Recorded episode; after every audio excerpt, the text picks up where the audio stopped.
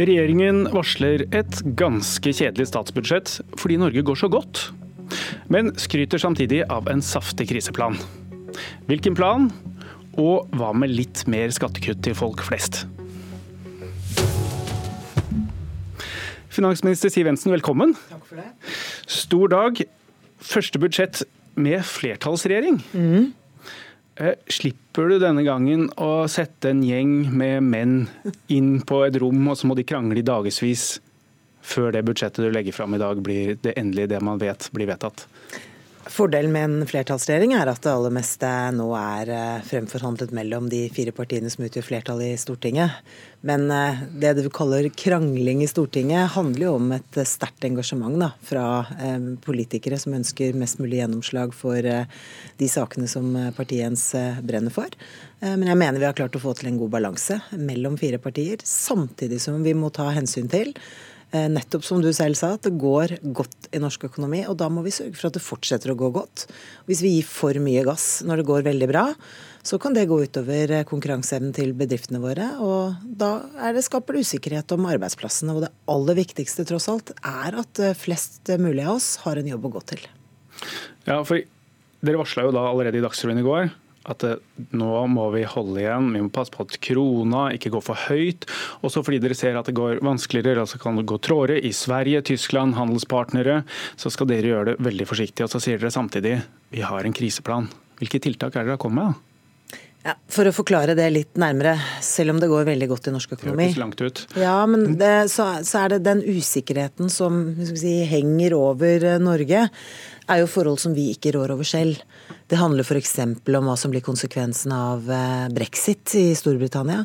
Det handler om konsekvensen av en stadig pågående handelskrig eh, mellom USA og Kina f.eks. Det er klart at Norge som er så avhengig av eh, å selge varene sine på det internasjonale markedet, så kan vi på et tidspunkt bli påvirket av dette. Enn så lenge så går det veldig bra i Norge. Vi ser veldig små tegn til at vi også har blitt påvirket av det. Men skulle det komme til å skje, så er jo Norge i den heldige situasjonen at vi har eh, buffere, vi har penger på bok, vi har fleksibilitet i pengepolitikken, vi har fleksibel kronekurs. Og alt dette er jo med på å kunne eh, ja, bidra til at vi kan snu oss raskt rundt hvis eh, disse tingene som skjer ute i den store verden skulle slå inn over norsk økonomi.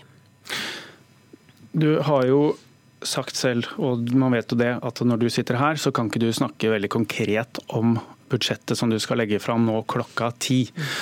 Men noe du kan snakke litt tydeligere om, det er jo kanskje den største budsjettposten for mange nordmenn, nemlig boliglånet. Og der kan det komme regler fra nyttår som gjør det vanskeligere å få lån. Finanstilsynet har foreslått det. Hvor sannsynlig er det at du kommer til å legge inn vanskeligere regler for å oppnå boliglån som gjelder fra nyttår? For det første så skjønner jeg veldig godt at det blir mye diskusjon om dette. Fordi vi har en kultur i Norge for at de fleste av oss ønsker å eie sin egen eh, bolig. Det som er aller viktigst for å passe på at flere unge mennesker kommer inn i boligmarkedet, det er jo at vi nå har et boligmarked i bedre balanse. Eh, det er klart Det verste som kan skje, folk som ønsker seg inn i boligmarkedet, det er at prisene bare fortsetter å galoppere i full fart oppover. Da blir det vanskeligere og vanskeligere å få råd til å kjøpe seg sin første bolig. Denne boliglånsforskriften eh, er jo der først og fremst for å passe på at ikke vi låner mer penger enn det vi har eh, råd til å betale tilbake. Så er det riktig at Finanstilsynet har foreslått å stramme inn den forskriften som gjelder i dag. Så hadde jo jeg et møte med alle aktørene i, som er berørt av dette i eh, eiendomsbransjen, finansbanken osv. De aller fleste av dem ga jo eh, uttrykk for at de syns at den forskriften som vi har i dag, eh, fungerer godt. Eh, og det er jeg i grunnen enig i. Den fungerer veldig bra. Eh, men nå skal denne høringen bli gjennomført eh, først. Og så skal regjeringen ta endelig stilling til dette så raskt som mulig. Så når du sier du er enig med bransjen, så er det en ganske sterk indikasjon på at du er enig i den forskriften som ligger der i dag? Jeg er i hvert fall enig i at den forskriften som vi har i dag, den synes å virke godt. Nå har vi altså Eh, oppnådd i løpet av eh, relativt kort tid. At vi har fått et eh, boligmarked i bedre balanse. Det skyldes jo at vi har lagt til rette for at det har kunnet bli bygget ut mer bolig raskere og til en rimeligere pris. Sånn at du har fått bedre balanse mellom tilbud og etterspørsel der hvor det særlig er stort press. Men det er jo sånn at både du og jeg og alle andre, vi kan ikke låne mer penger enn det vi klarer å betjene og klarer å tilbakebetale. Og sånn sett så ser det ut som den forskriften vi har, virker bra. Nærmere konklusjon kommer vi ikke akkurat nå, men det var ganske nære. Men vi må snakke litt mer om folk flest, siden vi er innom boliglånet. Og det som gjerne omtales da, sånn som dere omtaler folk flest i Finansdepartementet-termer, der har dere en eksempelfamilie. To voksne som har en normalinntekt. Litt under gjennomsnittet, men det er den vanligste inntekten. To barn. Siden dere kom i regjering, så etter beregningene, så har en slik familie fått 11 000 i skattelette årlig. Men det er ikke hele bildet. Fordi med normalt forbruk så rammes en slik familie av økt betaling i barnehagen, økt elavgift, økt diesel-bensinavgift. Og i tillegg med økte renter, så er rentefradraget blitt mindre enn det man så. Summa summarum kan man komme ganske nærme null hvis man ikke er en Tesla-kjøper. Er du stolt av det? Jeg er veldig opptatt av at eh, det vi gjør i et statsbudsjett påvirker eh, folk i hverdagen. Eh, og det er jo klart at Skatt er et viktig spørsmål. Det er riktig at vi har redusert skattetrykket for en gjennomsnittsfamilie med ca. 9000 kroner. Men når man får det hvert år, så har jo det blitt eh, ja, 48 000 kroner for en gjennomsnittsfamilie. Men når det spises opp av andre Men, eh, utgifter, det, det og dette er før vi begynner, bombrikkene begynner å blinke i bilen? Det skal jeg komme til nå. fordi det er klart at Statsbudsjettet handler også om utgifter. Det handler om hvordan vi finansierer helsetjenester, som også er viktig for en familie hvis man har behov for et sykehusbesøk. Det handler om barnehageutgifter, og der har jo regjeringen lagt til rette for at særlig familier med dårlig råd skal komme relativt sett bedre ut av kostnadene i, i barnehagene. Det handler om barnetrygd. Eh, det handler om tryggheten vår, at vi har et politi Barnetrygden kommer jo først fra september, så den blir jo hovedsak neste, ja, neste der, budsjett igjen. Der, men kan man vente noe på dette budsjettet? Kommer det noe til folk flest som det svinger litt av? Som jeg prøver å si, folk flest eh, er jo opptatt For å bruke deres ord. Ja, og folk flest er opptatt av tryggheten i samfunnet. At vi har et politi som fungerer, at vi har et forsvar som hjelper oss. Jeg trodde dere mente de var opptatt av lavere skatter og lavere Ja, og så er de opptatt av at vi fortsetter å bygge veier. At vi prøver å holde bompengeutgiftene på et eh, lavest mulig nivå. Eh, så det er jo summen av alt dette som er med på å påvirke lommebøkene til folk, tryggheten de føler, oppvekstvilkår for barna våre. Alt dette er jo hensyn som vi tar når vi lager et eh, statsbudsjett. Men det jeg er ganske sikker på at vi kommer til å se før denne budsjetthøsten er over, det er en opposisjon i Stortinget som skal finansiere alle sine dyre løfter gjennom å sende en skatteregning enten til bedriftene eller til vanlige folk. Og det mener jeg er veldig gal medisin i den situasjonen vi står i nå. fordi gir du folk skatteskjerpelser, så betyr det mindre penger til eh, velferd for den enkelte familie. Og det betyr for bedriftene sin del så betyr det svekket konkurranseevne, eh, som eh, setter arbeidsplasser i fare. Nå forskutterer du jo hva en alternativ regjering ville gjort. Jeg forskutterer hva opposisjonen i Stortinget kommer til å gjøre, og det tror jeg er ganske forutsigbart. Men noe, en lekkasje i dag, eller som man i hvert fall VG har funnet ut av, at flyktninger har særfordeler i det norske trygdesystemet i dag, og en del andre ordninger. De skal bort. Hvor viktig er det? Nei, jeg ser at VG spekulerer, spekulerer, i det. Eh, sannheten om det får dere når statsbudsjettet kommer klokka ti. Dere gjør også et kutt når det gjelder unge som skal på arbeidsavklaringspenger. Er dette veien å gå for å øke bærekraften i Norge? Det er ikke først og fremst et kutt, det er en eh, endring av måten vi innretter virkemidlet på. Det handler om de aller yngste, altså ungdom under 25 år, som eh, hvis vi ikke legger til rette for at de kan komme seg inn i arbeidslivet, kan se for seg et langt liv utenfor arbeidslivet. Det er ikke bra for den enkelte ungdom, og det er i hvert fall ikke bra for eh, norsk økonomi. Sånn at eh, det at vi gjør endringer i disse ytelsene for å stimulere til at flere av de kommer i jobb, det mener jeg er eh, det eneste riktige å gjøre. Hva sier du til de som sier at dere kutter i bånd på de svakeste? Nei, men Det arbeidsministeren har sagt, er at vi skal bruke de pengene som vi får ved å endre på denne ordningen, til å styrke tiltakene for at disse ungdommene skal kunne komme seg inn i arbeidslivet. Det mener jeg er veldig gode nyheter. fordi alle vi som bor i Norge som kan jobbe og vil jobbe, eh, må vi legge til rette for kommer i, eh, ut i arbeid.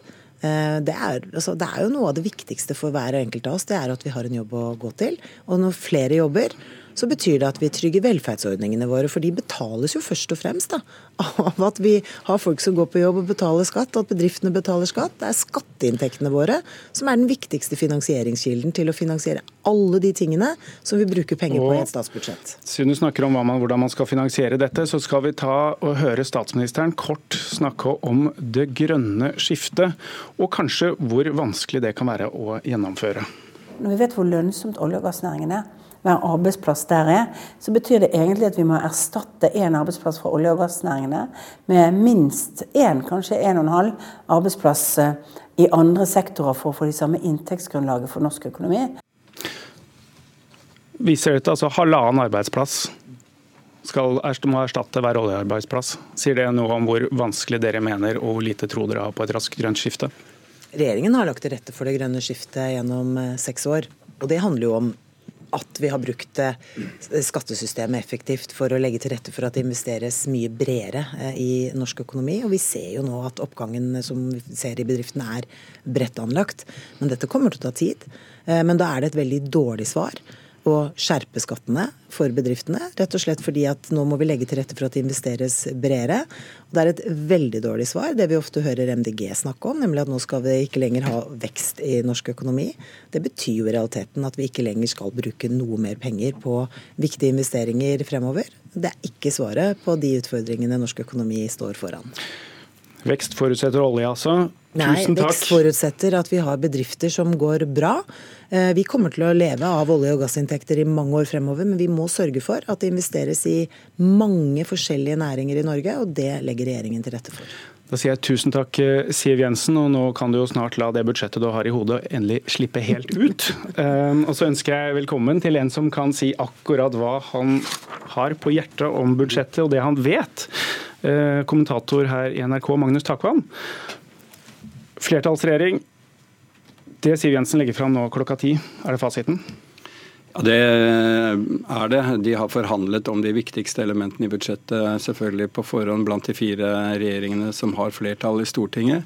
Og hvis det da ikke dukker opp uh, nye uh, ytre uh, faktorer som gjør at man må endre på det, så, så blir dette fasiten. Selvfølgelig kan det være små reguleringer i fagkomiteene uh, som, som, kan skje, men i det store bildet så blir dette fasiten.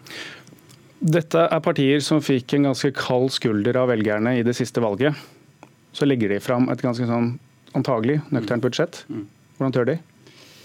Ja, altså, jeg tror hensynet til å framstå som ansvarlig regjering og ha kontroll på økonomien trumfer eh, andre forhold. Men nå får vi se hvordan, eh, hvordan, tallene egentlig er. og det er klart at eh, Mye tyder vel på at regjeringen har hatt en del flaks når det gjelder eh, utviklingen i økonomien, skatteinntekter osv. Slik at handlingsrommet uansett er større, noe større nå enn slik det var da regjeringen hadde budsjettkonferanse i mars. Altså opptatt av å framstå ansvarlig, men det har vært en rekke lekkasjer, som det jo alltid er. Eh, hva kan man lese ut av de lekkasjene om retning? Nei, Det er jo vanskelig å forholde seg til lekkasjer når man ikke har helheten bak og finansieringen av dem. Men det er klart at man har delt ut lekkasjer som eh, er hjertesaker for, eh, for, eh, alle de fire partiene. Grønt til Venstre, familiepolitikk til KrF. Vi fikk akkurat nå inn en bekreftelse på at man f.eks. viderefører antallet kvoteflyktninger i budsjettet for neste år med 3000. Og det vil KrF og Venstre si er en seier for, for dem, f.eks. Det er et eksempel på, på hvordan lekkasjene funker. Og Så kan man si at eh, Frp da har kanskje fått gjennomslag for eh, det dere nettopp snakket om, nemlig å redusere særfordelene til flyktninger når det gjelder pensjoner. Så Slik er det litt gi og ta, og det er jo en del av det imaget som opposisjonen henger seg fast ved og kritiserer denne regjeringen for. At man Eh, slik de ser det, gir litt med den ene hånda og tar med den andre. Det gjelder både CO2-avgift og skjerme drivstoffavgifter og sånn. Sånn at hvordan helheten i dette bildet blir, det blir spennende.